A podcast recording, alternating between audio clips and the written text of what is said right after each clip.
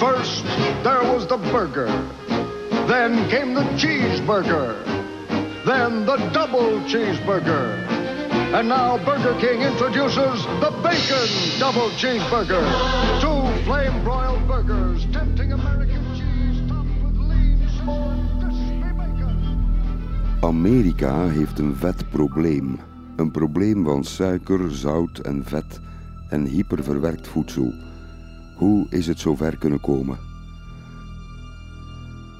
Junkfood heeft het dieet van de Amerikanen gekaapt en heeft een crisis van de volksgezondheid veroorzaakt die de levens bedreigt van talloos veel Amerikanen.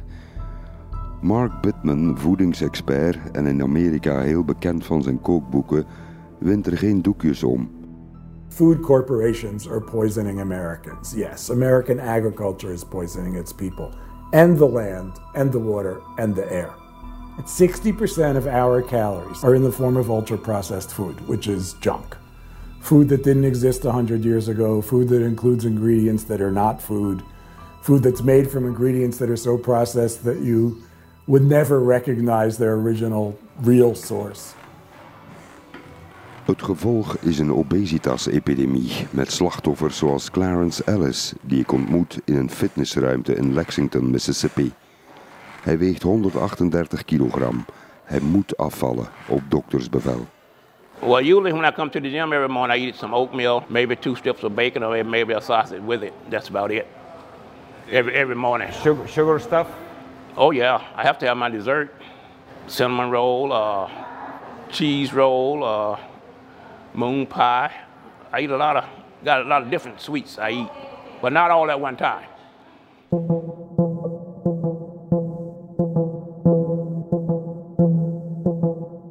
Landbouw in Amerika leidde al snel tot massaproductie en overschotten. Geleidelijk aan konden alleen de grootste producenten nog winsten maken. Nog meer produceren en specialiseren in één bepaald gewas was de enige manier om boven water te blijven. De winsten vloeiden naar producenten van landbouwmachines, chemicaliën en zaden. John Deere ontstond. Yes, John Deere manufactures and sells just the unit for you. We can meet your industrial requirements. Tegen 1930 was John Deere een gevestigde naam. John Deere werd niet alleen rijk door de verkoop van landbouwmachines, maar door het oprichten van een kredietbank. In 1958 ontstond de John Deere Credit Company. John Deere passeerde twee keer langs de kassa, door de verkoop en door het aanrekenen van rente op toegekende kredieten. John Deere verdiende meer met kredieten dan met landbouwmachines en in 2019 maakte het bedrijf een winst van 11 miljard dollar. You're keeping our way of life running. So you can count on John Deere Financial to keep you moving forward through these unprecedented and uncertain times. Een moderne pikdorser kost voor een boer al snel een half miljoen dollar. Dat kan een boer niet ophoesten zonder kredietlijn, zonder landerijen die zo'n aankoop rendabel maken en zonder zich toe te spitsen op één gewas dat je efficiënt en op grote schaal kan telen en verkopen. We're here for you. We'll get through this together.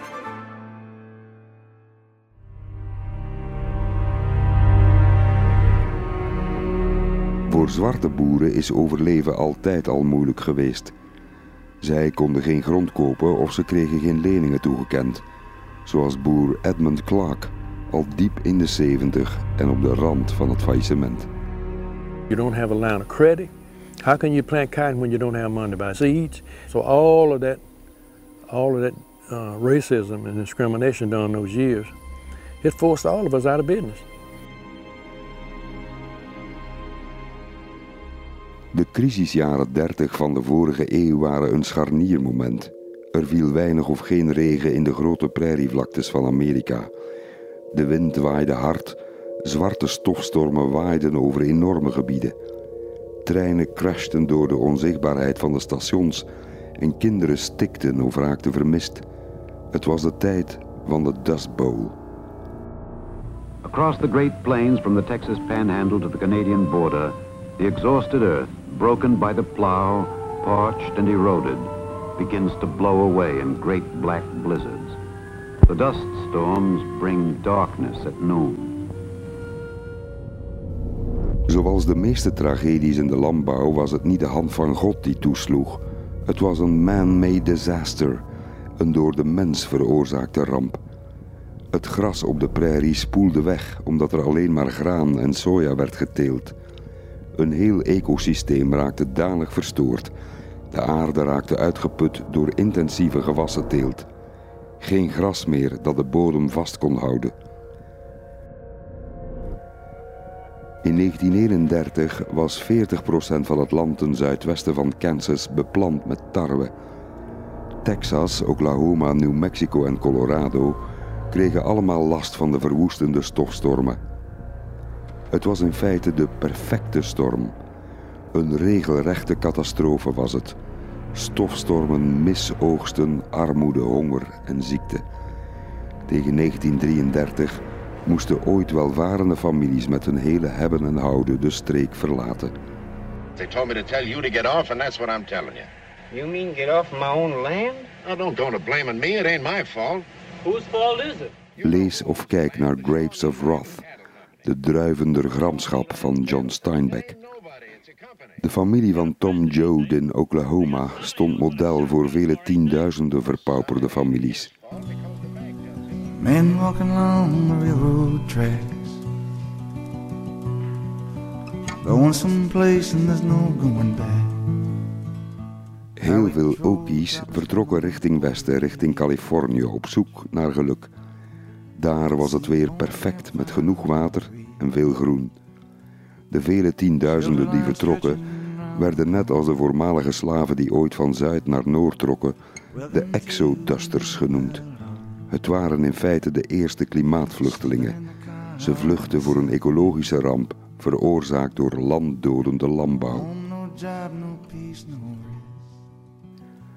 De landbouw in Californië floreerde. Er kwamen reusachtige irrigatieprojecten om het landbouwland te bevloeien. More and more of the water once lost in the sea is brought under control. The availability of water for irrigation, municipal and industrial use makes this rich basin one of the nation's foremost agricultural and industrial sections. Ooit woestijn werd de Central Valley zo'n beetje de fruit- en notentuin van de wereld, zegt schrijver-journalist Mark Arax in een gesprek met mij. This is some of the best soil in the world, and the climate is Mediterranean. So you can grow 250 crops here. It's an extraordinary amount. If God intended a place to be something, He intended this place to be farmland.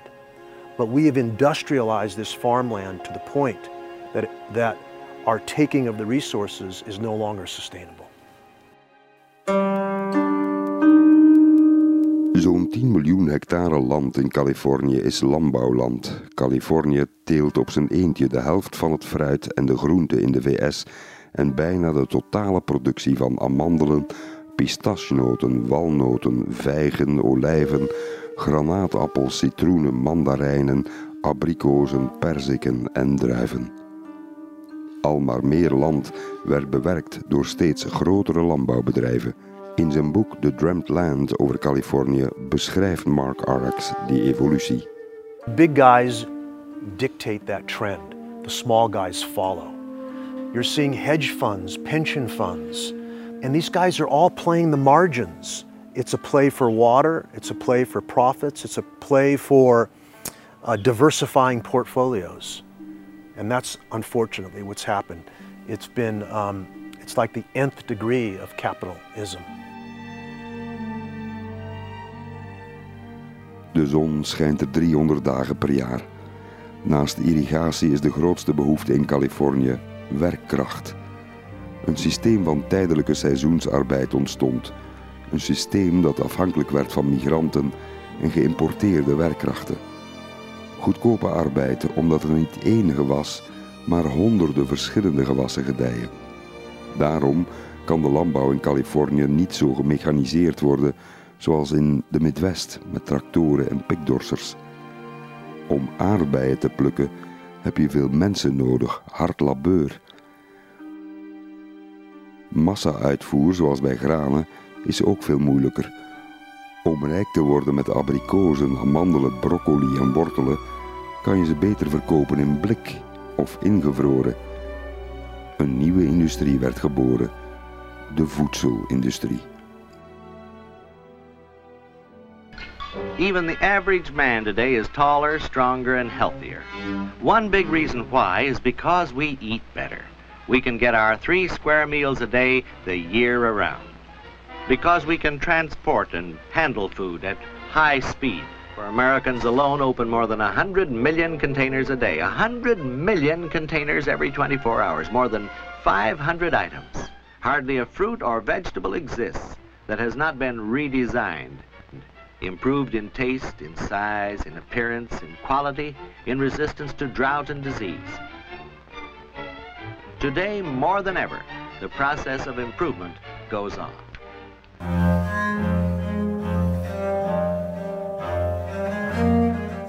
De opbrengst van de gewassen was reusachtig, te veel eigenlijk.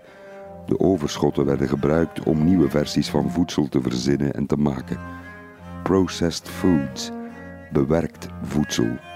Het was een nieuwe revolutionaire methode om geld te verdienen. Het heeft de hele manier van eten in de VS en de wereld veranderd. Goedkoper en sneller. Handig als je te weinig tijd hebt als moderne mens. Maar zo is gebleken, dit nieuwe voedsel maakt ons ongezond en veroorzaakt nogal wat vervuiling. En niet de boer verdient het geld, maar de tussenpersonen. De groothandelaars, de winkeliers, de producenten in de fabriek, de verwerkers. In dat tijdperk ontstond de cheeseburger, het symbool van de Amerikaanse eetcultuur. Smile and say cheeseburger. Cheeseburger. Very good. Here's a cheeseburger for you. You know McDonald's cheeseburgers are so delicious you almost have to smile. Op de burger kwam er een flapje kaas, eerder een soort gekleurde melkpasta, American cheese. En er kwam een stevige scheut van een veel te gesuikerde tomatenjam op, ketchup. Dat alles op een broodje of iets dat erop lijkt. Eigenlijk is er niets intrinsiek fantastisch aan zo'n burger. Vele ervan zijn volgens Mark Bittman zelfs ronduit walgelijk, schrijft hij in zijn boek Animal Vegetable Junk. Amerika is de voeling met echt eten verloren, zegt Bittman. All of these changes have happened so rapidly that we and, and my parents' generation and my children's generation take all of this for granted. This is the way it is. Of course, we want to eat cheeseburgers. Haven't we always wanted to eat cheeseburgers? Well, actually, not. Um, we are not born craving junk food. We are taught to want junk food.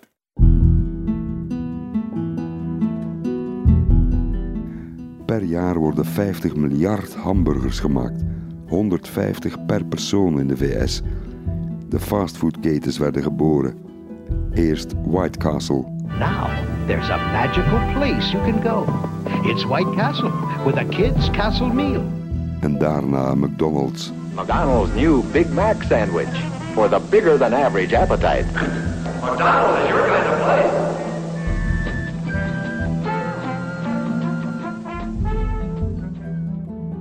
Intussen waren er ook grote melkoverschotten. Om die te verminderen werd foute informatie de wereld ingestuurd om melk hevig te promoten. Melk maakt je slim en gezond, zei men. Kinderen werden aangemoedigd om minstens vier glazen melk per dag te drinken. Melk werd aan de man gebracht als een soort beloning door de introductie van chocolademelk. Quick. It's my favorite. I know. You made somebody a wonderful mother. De zuivelindustrie kon het ministerie van Landbouw overtuigen om melk als vast ingrediënt op te nemen in lunches op school. Koemelk is geen ideale voeding voor baby's, voor kinderen of voor wie dan ook. Er zit veel vet in melk en veel eiwit.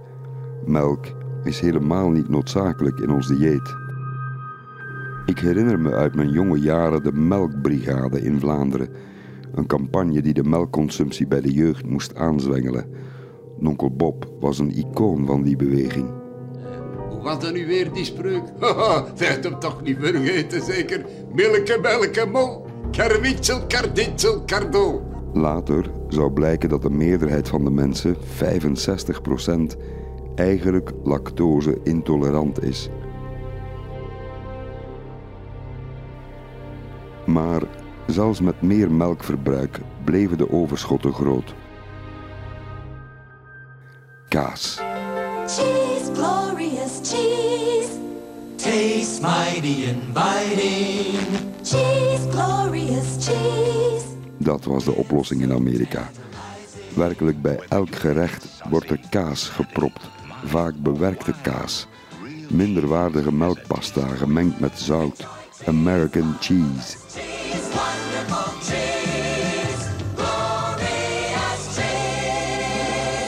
Met 50 miljard hamburgers per jaar is de afzet gegarandeerd.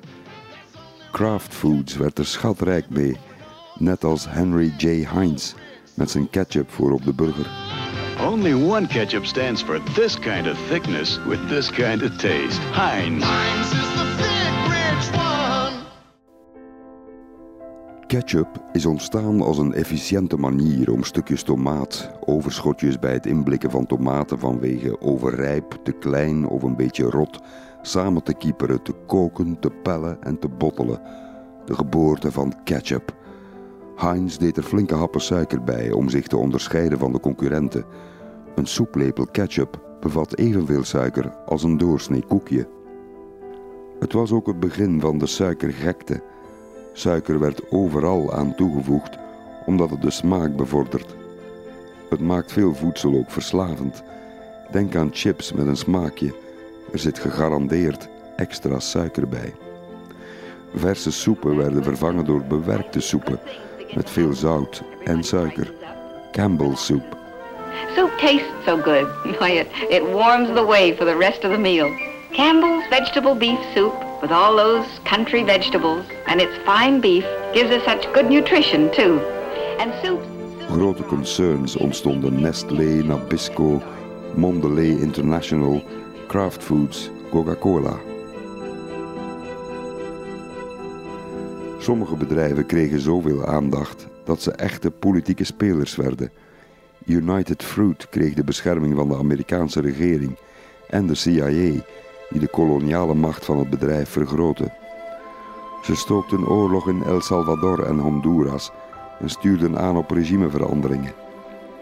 In 1954 gooide United Fruit en de CIA de democratisch verkozen regering van Guatemala omver van Jacobo Arbenz. United Fruit bezat tegen begin jaren 30 bijna 2 miljoen hectare grond en ze hadden ook spoorwegen in handen. Bijna nooit moesten belastingen worden betaald en in landen die vakbonden wilden invoeren, lieten ze staatsgrepen organiseren door angst voor communisme. Mario Vargas Llosa schreef er in 2019 een sterke roman over. Tiempos Recios, bittere tijden, fierce times.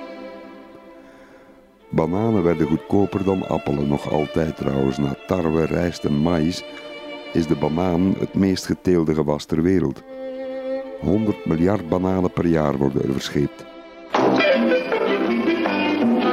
Om het imago op te krikken over de omstandigheden waarin de bananen in de wereld worden verdeeld, introduceerde United Fruit de Señorita Chiquita Banana.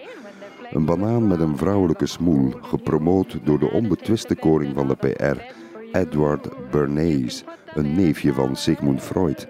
Er kwam een heuse Miss Chiquita Banana commercial. I'm Chiquita Banana and I've come to say bananas have to ripen in a certain way and when they're flecked with... Bernays was het die de zangeres en danseres Carmen Miranda naar Amerika haalde, waar ze groot succes had met haar hoed vol trossen bananen, terwijl ze in haar liedjes buitengewoon doeltreffend reclame maakte voor de gele vrucht, die dankzij de publiciteit snel een vaste plek innam in de Amerikaanse huishoudens. Cause I make my money with bananas. She makes her money with, she makes her money with. I make my money with bananas. Chimborazo was an overnight sensation.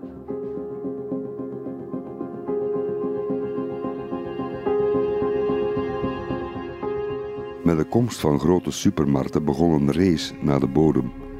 De mom- en popstores, de kleine buurtwinkeltjes, verdwenen in snel tempo. De dienstverlening werd minder, ook de kwaliteit en de waarde van het voedsel daalden. Velen vonden het zieloze ruimtes van marketeers om hun verwerkte voedsel te slijten. Echt voedsel werd een rariteit. De voedingsindustrie begon de tekortkomingen van geprocessed voedsel, verwerkt en bewerkt, te compenseren door allerhande voedingsstoffen in chemische vorm toe te voegen, zoals vitamines of mineralen. Vitamines toevoegen gaf de voedingsindustrie een nieuw verkoopsargument om de consument te sussen. His new frozen breakfast drink, Awake. One can of Awake makes as much as two six-ounce cans of frozen orange juice. Awake has more vitamin C, B1 and A than orange juice. Fruitsap waarop staat met extra vitamine C, dat klinkt zeer gezond, terwijl fruitsap eigenlijk weinig fruit en vooral veel suiker bevat.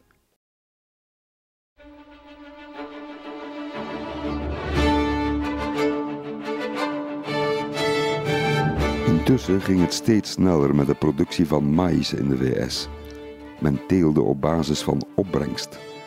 Waar er ooit een enorme diversiteit bestond in soorten maïs, werd de diversiteit gereduceerd tot enkele varianten. De overschotten namen nog verder toe, overproductie. Het aanbod nam nog meer toe, ook al gingen de prijzen voor de boeren door die overschotten steil naar beneden. De kwadratuur van de cirkel de boeren gingen daarop nog meer produceren om hun inkomsten die verloren waren gegaan te compenseren. Gevolg nog meer overschotten. Kleine boeren gingen er langzaam maar zeker uit. Ze overleefden het niet. Gevolg steeds grotere bedrijven, de agrobusiness met meer machines. It takes a lot of money to run a modern farm. In the early days, things were simpler and cheaper. They say it took a man, two boys, and a horse to make an old-time farm pay. Then came complex machines and new discoveries in the science of growing things. All that cost more money. But the result was more food. The amount of grain that comes to our giant storage elevators has increased unbelievably in only a few generations. Waar landbouwers ooit de helft van de bevolking uitmaakten in de VS, was dat nog maar 10% in 1960. De kleine boeren die overbleven, werkten zich kapot voor hun hongerloon. Meer en meer overschotten werden verscheept naar het buitenland. Het Amerikaanse overheidsprogramma subsidieerde Amerikaanse boeren en overschotten om overschotten te blijven produceren en om diezelfde overschotten te dumpen in ontwikkelingslanden en hen daar afhankelijk te maken van tarwe, maïs en chemisch bewerkt voedsel. Vooral landen die niet links waren, kregen veel van die graanreserves toegestopt. In de Koude Oorlog was voedsel dan ook een wapen. Zuid-Korea, Taiwan en Zuid-Vietnam werden bevoorrechte klanten.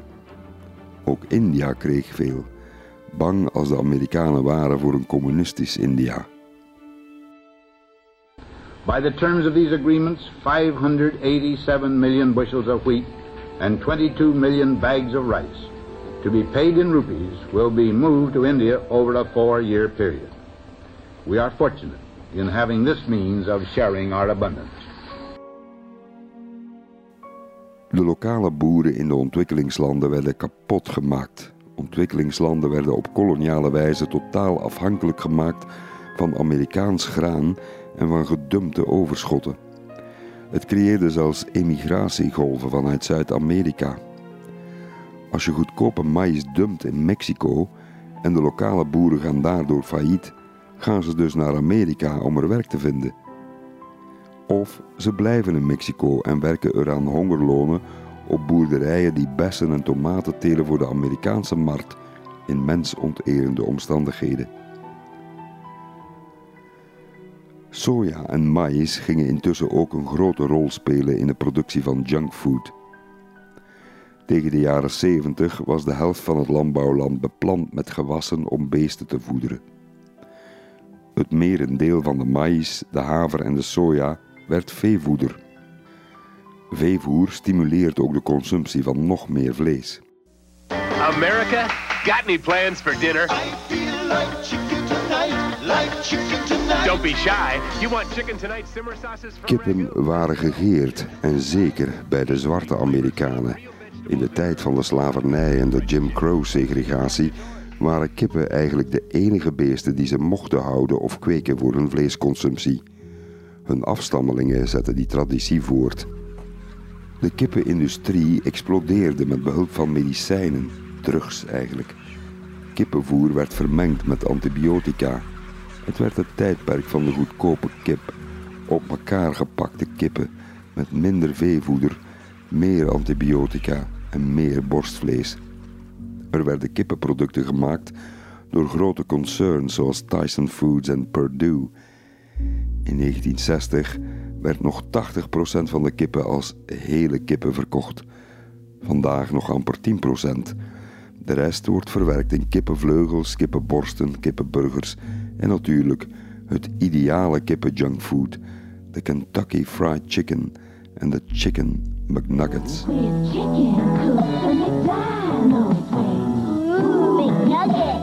Chicken McNuggets.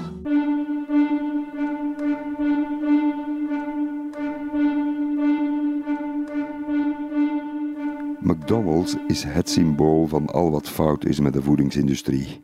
Tegen de jaren 60 van de vorige eeuw kwamen al maar meer vrouwen op de arbeidsmarkt. De meeste mannen konden niet koken en wilden het ook niet leren. En met overwerkte vrouwen en de marketingmachine die makkelijke en snelle happen promoten voor een stressvol bestaan, werd thuis een maaltijd bereiden als een vervelende klus beschreven en dus ook ervaren. Fastfood was geboren. Nadine weet nog hoe het allemaal veranderde. Van een magere vrouw veranderde ze in een vrouw met overgewicht. After I became an adult, I fell into the standard American um, diet style of eating. I started going to the fast food place rather than cooking when I get home, hamburger, sandwich, or I would get sodas. Ga met je gezin op stap naar de McDonald's. Een echt lopende bandsysteem zie je. Iemand bakt de burgers, een ander legt er ketchup op, mosterd, uien of augurkjes en natuurlijk een plakje Amerikaanse nepkaas. Een ander verpakt de burger, een ander maakt shakes, een andere bakt frieten. Alles in wegwerpformaat, makkelijk werk, weinig opleiding nodig voor de werknemers en lage lonen. Simpel, snel en goedkoop eten. Fastfoodketens peuterden subsidies los van de overheid, zogezegd voor stadsvernieuwing. Het leeuwendeel van die subsidies ging naar Burger King en andere ketens die in de steden allemaal naast elkaar hun vestiging kregen. Overal dezelfde rommel. Het moest een subsidieprogramma worden voor achtergestelde buurten. Het werd in de praktijk vooral een subsidie om die wijken vol te proppen met junkfood.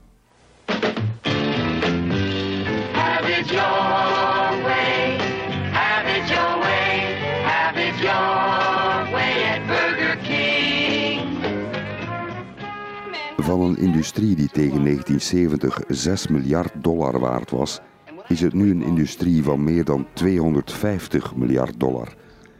De mensen werden al maar dikker en ongezonder. Quayla Matkin is diëtiste in Mississippi, een streek met het meest dikke mensen in de VS. The main reasons they call Mississippi a stroke belt is because of some of the poor eating habits, the rate of obesity, and just in general, when you look at the statistics and the number of Mississippians who are un- unhealthy.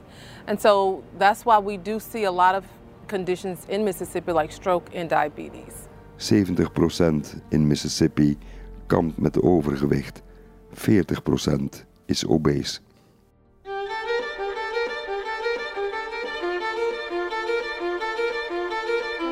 Eén op de drie Amerikanen eet dagelijks, jawel elke dag, fastfood.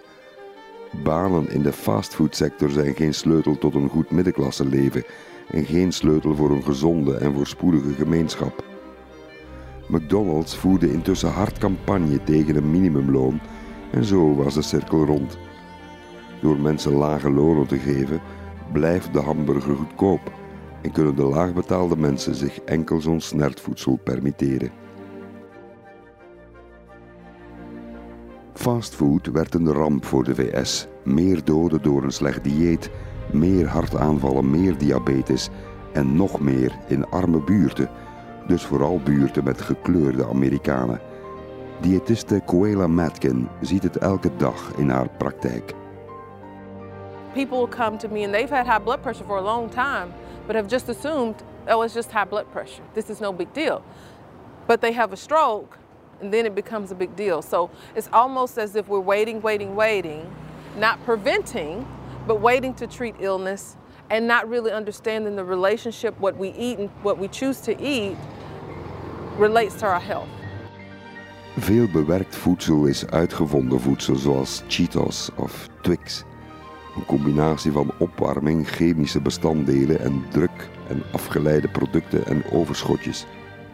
Calorieën waar suiker en vet zijn aan toegevoegd, vaak op basis van soja en maïs.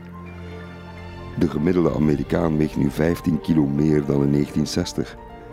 Een gemiddelde Amerikaan weegt 81 kilo, ruim 10 kilo meer dan een gemiddelde Belg. Het marketingsucces van junkfood leidde tot een georganiseerde aanval op de volksgezondheid. Tony de Tijger maakte Frostflakes populair. Knapperiger en zoeter. We'll catch up after this complete breakfast, including my vitamin pack frosted flakes. They bring out the tiger in you. Good, you'll need it. Frosted flakes, good. They're Tegen de jaren 70 begon een desastreuze nieuwe trend. Duurdere suiker- en vetproducten werden vervangen door spotgoedkope palmolie en zwaar gesubsidieerde fructose maïssiroop. Vaak gebruikt in Pringles chips of Quick van Nestlé. Ook margarine kwam op de markt en je zag de introductie van instant oatmeal, havermout, minute rijst, Gatorade, zoete limonade, soda, allerhande frisdranken. Door goedkope fructose werden de porties ook al maar groter. Even zoet, maar wel 20% goedkoper. Supersize. Slechte voeding is overal en alomtegenwoordig. Talloos veel voeding die wordt geproduceerd en geconsumeerd zit vol nutteloze calorieën en suikers. En overheden zaten in de wurggreep van een voedingsindustrie die niet in toom werd gehouden. De combinatie van overproductie en marketing maakte van overconsumptie van hyperbewerkt voedsel de norm, met alle chronische ziekten als gevolg en een verdubbeling van het aantal hartziektes. Mark Bittman noemde de tragedie van de stille doder. The food crisis has symptoms, but they're quiet. You know, people aren't dropping, they're not cramming into emergency rooms, they're not overflowing hospitals, we're not running out of oxygen. If we addressed the food situation the way we addressed COVID, we could make some headway. Dik zijn betekent in de VS heel vaak dat je arm bent. Meer dan twee op de drie Amerikanen is obese of kampt met overgewicht. 200 miljoen Amerikanen. 37% is obese, dat zijn 120 miljoen moddervette Amerikanen. Bij zwarte vrouwen is 4 op de 5 te dik.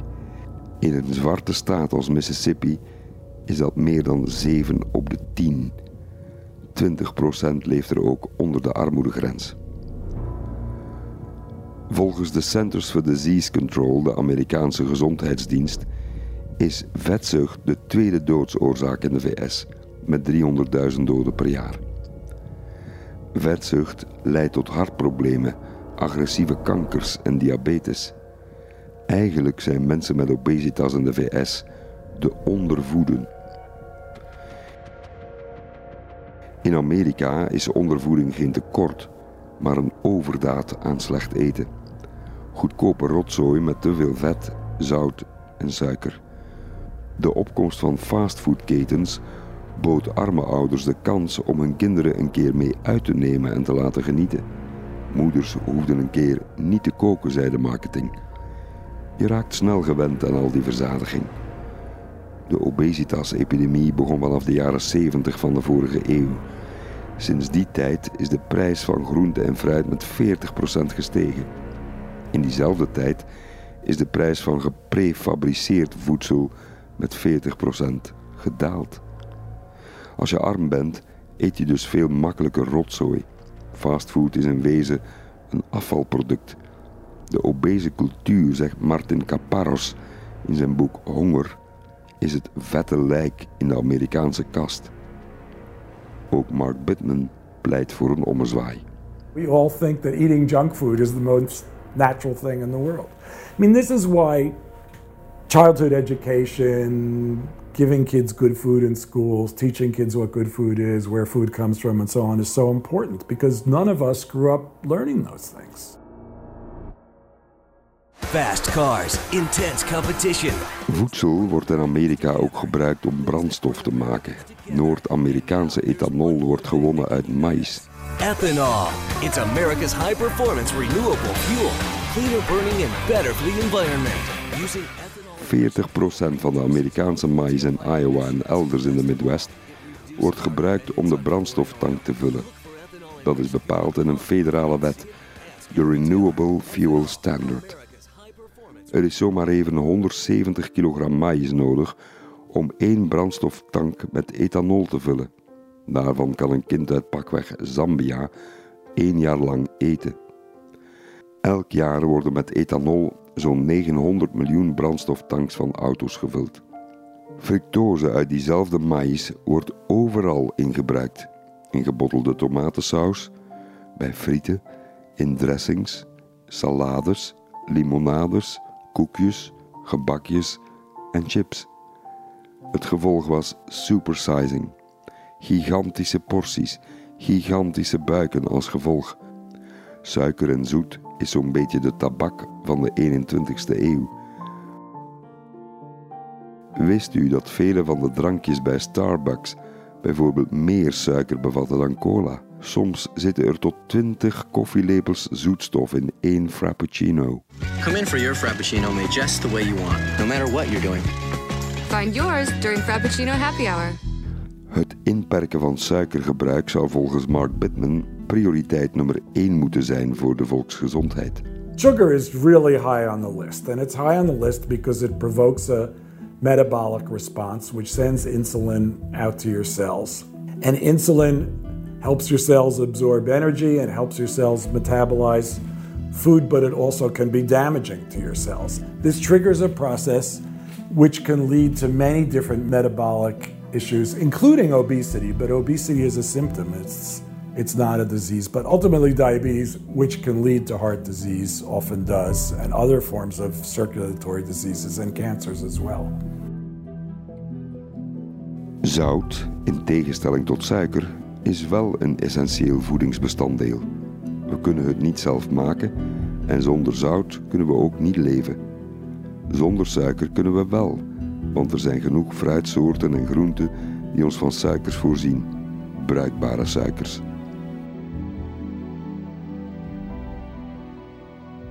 Helaas, er is te veel zout. Van te veel zout stijgt de bloeddruk. Het is niet dat mensen te veel zout strooien, er zit gewoon overal zout in het ultrabewerkte voedsel dat we consumeren. We worden overstelpt met zout door instanties die ons meer eten willen verkopen. Ultraverwerkt voedsel, hoe je het draait of keert, is gemaakt om ons zo verslaafd als mogelijk te maken. De voedselindustrie werd daarom de rotzooivoedselindustrie. In veel voorverpakt voedsel wordt zout, suiker en vet toegevoegd. In soepen, limonades, crackers, pizza's, gebakjes, brood, chips, yoghurt, kippenvingers, you name it. Voedselingenieurs maakten consumenten het voorwerp van algoritmes. Ze zochten naar de exact juiste combinatie van zoetigheid en smaak, de juiste combinatie van suiker, zout en vet en andere smaakjes die ons een euforisch en verzadigd gevoel geven. Dat test men dus tot het juist zit, tot we elke dag die zoute crackers willen of pretzels die we op het vliegtuig eten of voor onze televisie.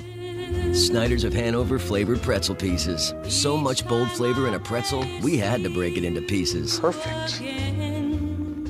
Producenten hielden jarenlang onderzoek naar de kwalijke gevolgen van hun producten tegen. De reclames richten zich op jonge mensen, maar ze logen over de schadelijke effecten. Net zoals de tabaksector jarenlang loog over sigaretten. De voedselindustrielobby hield vaak strengere regelgeving tegen over beperking van suiker of zout. Ze creëerden ook nepstichtingen zoals de Sugar Research Foundation, nu de Sugar Association, zogezegd de wetenschappelijke stem van de suikerindustrie. Zo voerden ze campagne door gebruik te maken van Mary Poppins. Dat suiker en zout de bitterheid van groenten verzachten. Mary Poppins was right. Just a spoonful of sugar helps the medicine go down in a most delightful way. Coca-Cola betaalde voedingsdeskundigen van de prestigieuze Universiteit van Harvard om onweerlegbare bewijzen over tandbederf door cola belachelijk te maken of te discrediteren. Suiker is dan wel geen nicotine, maar de consumptie ervan verhoogt de aanmaak van dopamine, de neurotransmitter die ons lekker doet voelen. Suiker is verrassend verslavend.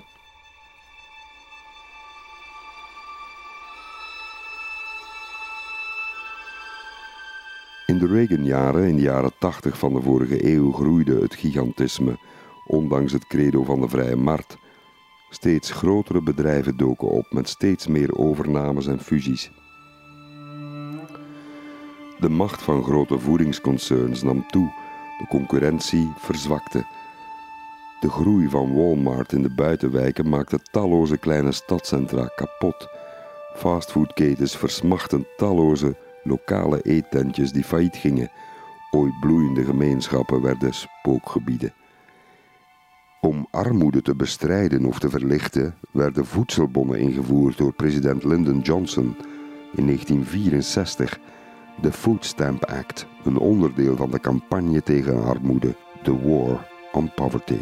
To help that one-fifth of all American families with incomes too small to even meet their basic needs. This administration today, here and now, declares unconditional war on poverty in America.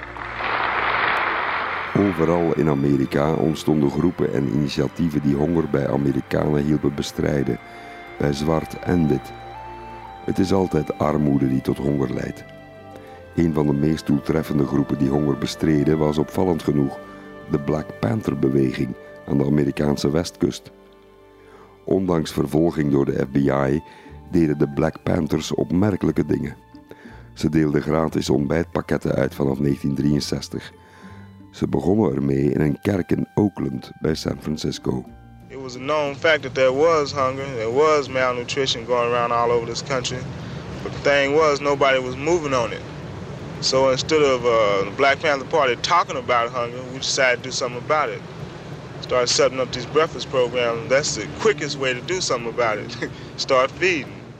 Nog geen zes maanden later deelden ze gratis lunchpakketten en ontbijtjes uit in 23 Amerikaanse steden.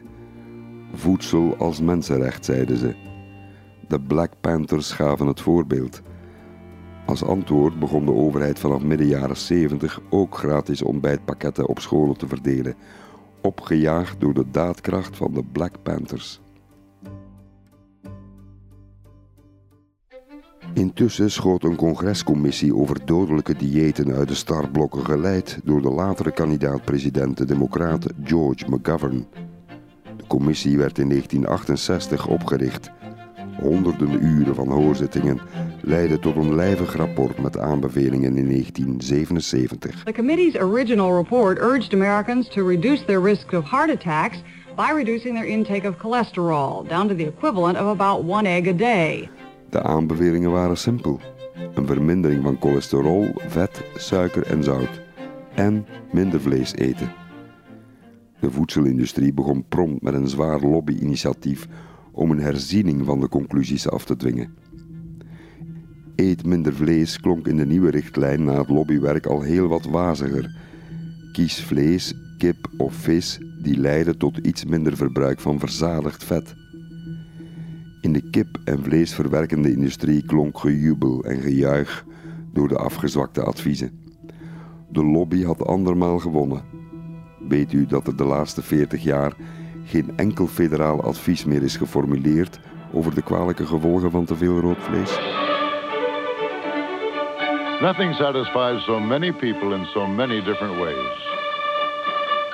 Beef, it's what's for dinner. Ja, de voedingsindustrie wint telkens weer. De Amerikanen werd niet aangeraden om meer fruit en groenten of volle granen te eten. Wel kregen ze het advies om meer brood, meer cornflakes, meer rijst en pasta te eten. Op voedsellabels staat nog altijd niets over de kwaliteit van het voedsel, hoe het is gemaakt of waar het vandaan komt.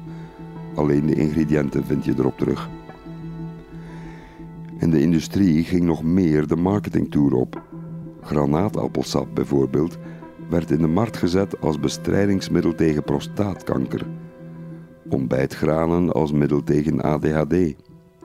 Yoghurt was plots fantastisch voor een grotere immuniteit. Activia helps me feel good inside, which helps me be my best. Positive, cheerful, and on top of things. Help regulate your digestive system. Love how you feel or your money back. Zonder wetenschappelijk bewijs werden zulke beweringen de wereld ingestuurd.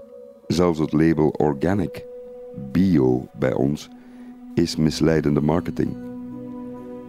Bio-rietsuiker is gewone suiker. Biorensvlees kan nog altijd vlees zijn van koeien die geen ruimte hebben en hooi hebben gegeten dat van elders komt. De landbouwindustrie is ook een groot vervuiler. Tyson Foods, de tweede grootste vleesverwerkende fabriek ter wereld, produceert twee keer meer broeikasgassen dan heel Ierland. De industriële productie van beesten is een hoofdschuldige. Methaangas, veel vervuilender dan CO2, komt vrij als schapen, koeien en geiten een boer laten. Als 70 miljard gekweekte dieren zo'n methaanboer laten, dan weet u het wel. Die beesten worden gevoed met maïs en soja, monoculturen die het landbouwland uitputten. En de dieren leven in abominabele omstandigheden, zegt voedingsexpert Mark Bittman. This is a huge, huge industry. And to support it, we have to raise animals as if they had no lives at all, as if they were dead from birth. They basically are dead from birth. They're tortured their whole lives, they're held in miserable conditions, and much of that is kept secret from most of us. So if, if, if more Americans saw how animals were really raised, they would eat less meat. Overal is er ook waterschaarste. De VN voorspelt watertekorten voor 5 miljard aardbewoners tegen 2050. Dat is niet zo ver af. Niet omdat we te veel water drinken of omdat we een bad nemen, maar door intensieve landbouw. In Californië komt de productie van amandelen, hazelnoten en cashewnoten met een hoge prijs. Schrijver-journalist Mark Arax beschrijft het landbouwwonder met de zware milieugevolgen. In the last 10 years of drought, it was interrupted by one flood year. We have grown 500,000 more acres of almonds in the San Joaquin Valley alone. That is a kind of madness, a kind of insanity, because here you are in the grips of drought and you're exhausting the aquifer, pumping more and more out of the earth. The earth is sinking as you're pumping more because you're taking the elasticity out of the earth. And in the midst of all that, we continue to grow a half a million more acres of permanent crops. Voor het telen van 1 kilo amandelen is er bijna 420 liter water nodig. Dat is ontzettend veel. It's worse, much worse than you think, zegt David Wallace Wells, een Amerikaanse klimaatjournalist, in zijn essay De onbewoonbare aarde.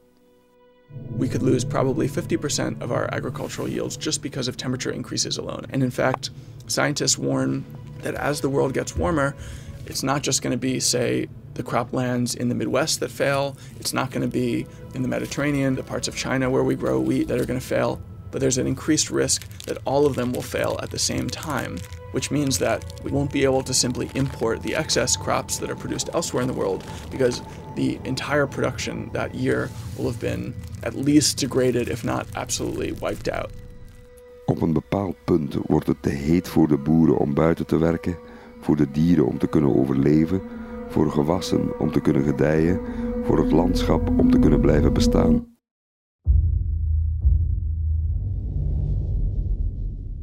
Stofstormen zullen terugkeren en oogsten zullen mislukken als we de aarde met massamonoculturen blijven uitputten. Dan zal honger terugkeren in de wereld. Een somber vooruitzicht als het roer nu niet wordt omgegooid. Hi, may I take your order, please? Big Mac McDLT, a quarter pounder with cheese, filet of fish, a hamburger, a cheeseburger, McChicken and McNuggets, tasty golden french fries, regular and larger size and salad. Junkvoedsel is geboren in Amerika, het werd wereldwijd verspreid en overal waar het Amerikaanse junkvoedsel komt, zijn ziektes gevolgd. Het voedsel en het dieet uitgevonden in de vorige eeuw bracht chronische ziektes teweeg. Twee derde van de wereldbevolking, schrijft Mark Bittman, leeft in landen waar meer mensen sterven aan ziektes gelinkt aan overgewicht dan aan ondergewicht. Het aantal diabetesgevallen is sinds 1980 verviervoudigd. In de afgelopen halve eeuw zijn obesitas en suikerconsumptie wereldwijd maal drie gegaan. De internationale markt van fastfood benadert een omzet van 700 miljard. De meeste ketens zijn ook in handen van equity firms, grote beleggingsfirma's. Mocht de fastfoodsector een land zijn, dan staat hij in de top 20 van de grootste economieën ter wereld. Een ander simpel dieet met gewoon onbewerkt voedsel zou vele zaken kunnen fixen. Nu en dan een keer een Big Mac of een Whopper eten of een handvol MM's zal je heus niet doodmaken, maar het is gewoon te veel, veel te veel. Ter vergelijking, elk jaar wordt 14 miljard dollar besteed aan advertenties voor junk. Voor de preventie van chronische ziektes en gezondheid amper 1 miljard. Voelt u het verschil? Er wordt 14 keer meer geld besteed in de VS om mensen meer en ongezond te doen eten dan ze te waarschuwen voor die slechte producten.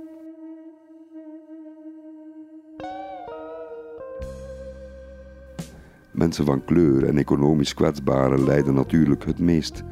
Waar armoede heerst, heerst in het Westen ook obesitas. Nergens zie je dat beter dan in de Mississippi-delta. Meer hartziektes, meer diabetes, hogere bloeddruk. Zwarte Amerikanen hebben 77% meer kans op diabetes dan witte Amerikanen. Voor elke supermarkt in de VS zijn er gemiddeld 9 fastfoodrestaurants en veel vaker in arme dan in rijke buurten. Meer geld in een buurt betekent meer kans op gezonder eten. In arme buurten brengt een kruidenierswinkel met groenten te weinig geld op, dus zijn ze er ook niet. Ik zag een supermarkt in Chula, Mississippi. Groenten lagen er amper en het vlees lag te rotten en te stinken in de schappen. Het sloeg grijs uit. Het was schandelijk om te zien. In Amerika worden overigens per jaar 10 miljard dieren gekweekt om op te eten. Dat zijn 30 beesten per Amerikaan. The sky is crying.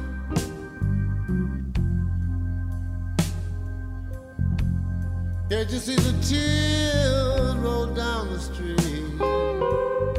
65 miljoen kalfjes en biggetjes worden per jaar gecastreerd om de onaangename geuren te vermijden bij de verhitting van het vlees. De VS is het perfect legaal om te castreren zonder verdoving. Dieren levend vullen, dat mag. Kippen in legbatterijen steken, in de VS, dat mag. Hormonen in vlees in de VS, dat mag. Maar je hond of je kat schoppen, dat mag dan weer niet.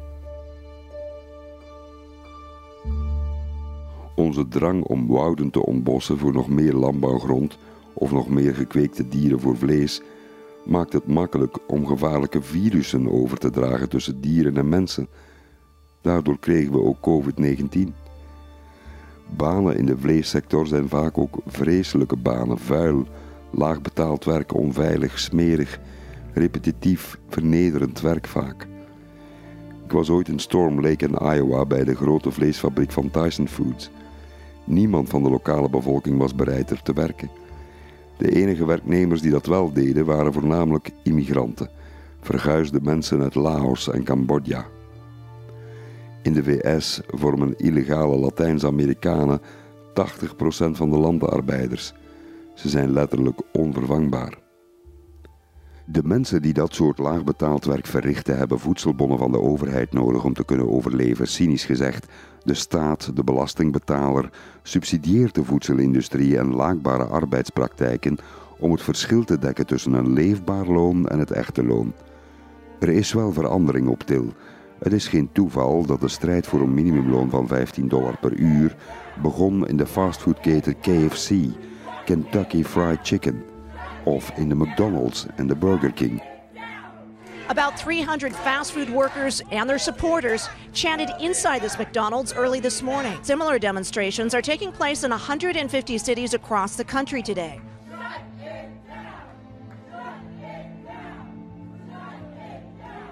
Voor de miljoenen arbeiders zonder papieren is er minder hoop. Zij leven voortdurend met het dreigement van deportatie, hebben geen rechten, geen leefbare werkuren of deftig loon, geen ziekteverzekering en geen werkloosheidsvergoeding als ze hun werk zouden kwijtraken. Als je junkfood weg wil, moet je het duurder maken, zoals een chili met een junkfood tax of nog een chili op gezoete frisdranken waar daar een tax gegeven van 18%. De verkoop van die soda's is met een kwart naar beneden getuimeld. Het kan dus. Er is ook voedselonderwijs nodig, zegt Mark Bittman, als we niet nog meer generaties chronisch ziek willen maken.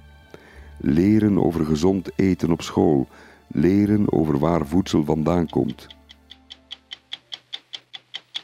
When it comes to food, Alice Waters is a legend. The movement, now called slow food, is a healthy alternative to fast food. Well, you might think this appeals only Er is hoop, zoals met Alice Waters in Berkeley, Californië. Zij introduceerde een keukenschoolklas met gezonde schoolmaaltijden, niet met gesponsorde rotzooi vol suiker en zout, zoals ik geregeld in New York opmerk, gratis geschonken door Big Food. In these times, it, needs to be spread more than ever. That children would grow up knowing how to cook. This is something that we don't know how to do anymore. But can we afford it, I guess I'm asking. we can't not afford it. Je kunt kinderen beter van jongs af aan verslaafd maken aan gezond voedsel. Voedsel doet ertoe, het is alles bepalend voor leven, gezondheid en ons denken. Wie vatzig is of gevoed door slecht vettig eten, denkt op den duur ook krom en ongezond. Daar wordt te weinig over nagedacht.